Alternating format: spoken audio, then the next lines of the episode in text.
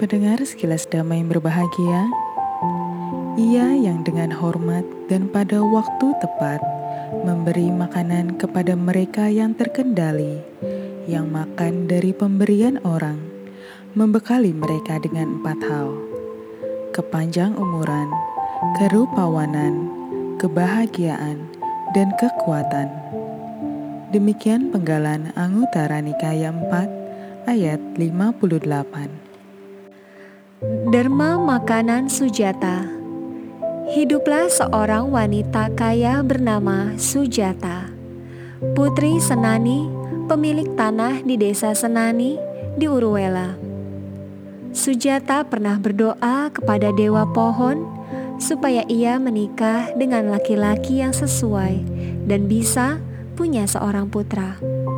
Pengharapannya terpenuhi.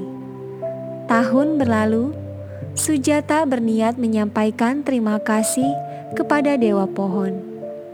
Ia mengutus pembantunya, Puna, untuk menyiapkan tempat persembahan.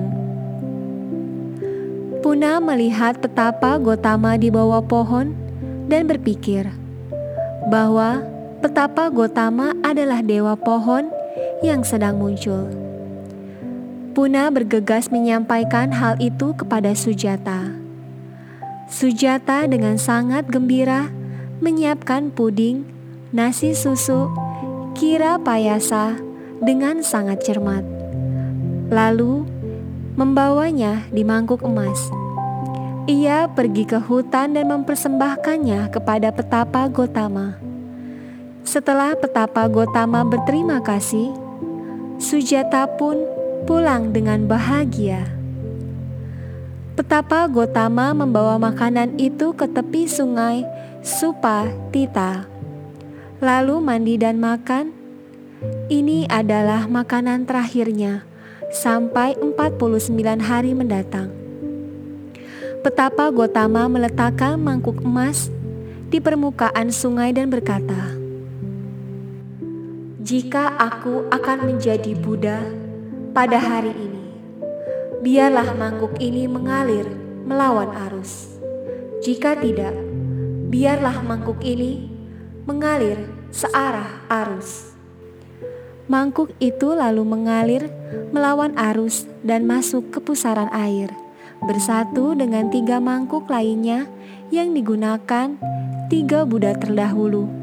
Siang itu, pada bulan Wesaka, petapa Gotama masuk ke hutan Gaya meneruskan perjuangannya.